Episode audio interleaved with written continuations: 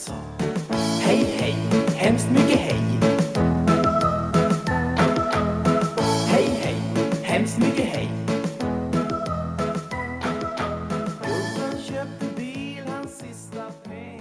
Den mätta dagen, den är aldrig störst.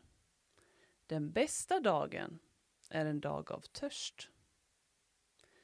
Nog finns det mål och mening i vår färd, men det är vägen som är mödan värd.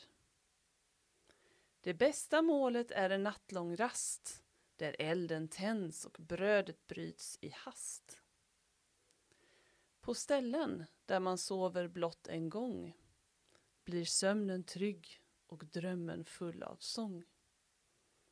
Bryt upp, bryt upp, den nya dagen gryr. Oändligt är vårt stora äventyr. Det här var en dikt skriven av Karin Boye. En mycket känd svensk författare som var verksam mellan 1920 och 1940 ungefär. Hon är allra mest känd för sin poesi. Och den här dikten som jag precis läste och kommer läsa igen är väldigt känd och har till och med blivit översatt till flera olika språk, bland annat engelska. Den är inte så lång och den är inte jättesvår.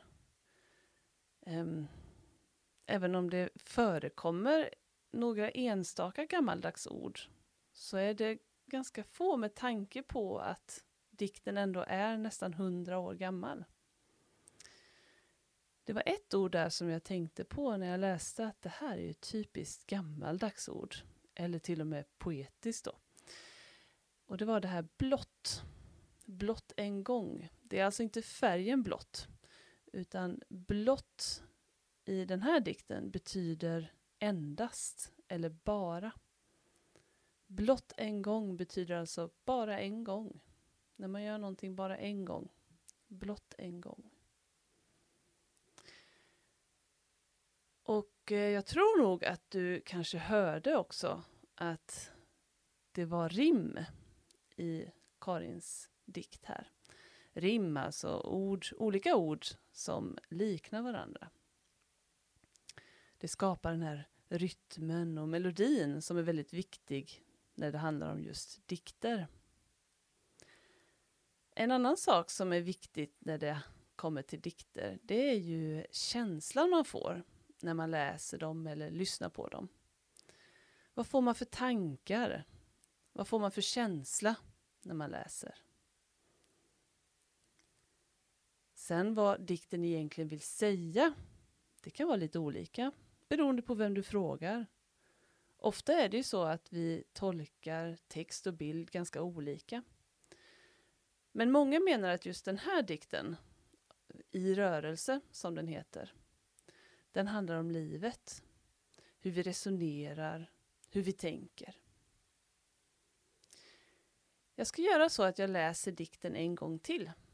Så får du lyssna nu på rimmen, på melodin, på budskapet och kanske framför allt då, vad får du för känsla när du lyssnar på dikten?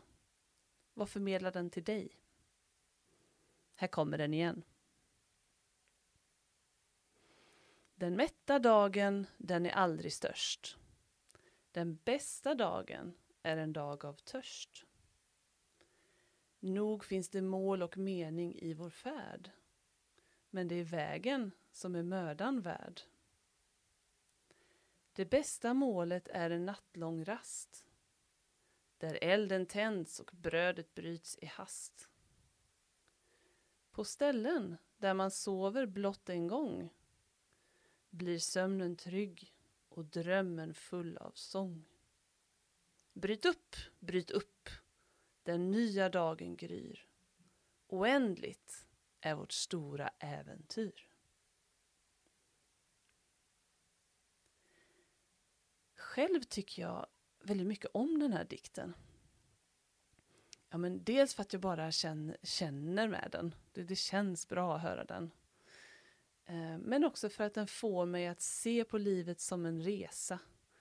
Som ett äventyr, precis som Karin Boye skriver i slutet. Oändligt är vårt stora äventyr. Dikten liksom uppmanar mig att ta vara på livet, leva här och nu, inte då eller sen. Den mätta dagen är aldrig störst, den bästa dagen är en dag av törst. Så börjar ju dikten. Jag tror Karin Boye menar att man inte ska värdesätta bara de där perfekta dagarna. Utan att det lika mycket är vardagen som ska ha betydelse. Liknande budskap tror jag att nästa strof i dikten vill förmedla. Nog finns det mål och mening i vår färd, men det är vägen som är mödan värd. Ni vet, man längtar efter helgen eller ledigheten eller efter den där roliga aktiviteten man ska göra om några dagar.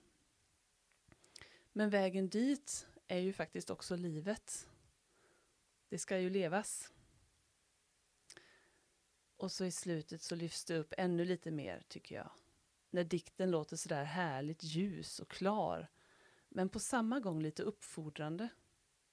Bryt upp, bryt upp, den nya dagen gryr. Oändligt är vårt stora äventyr.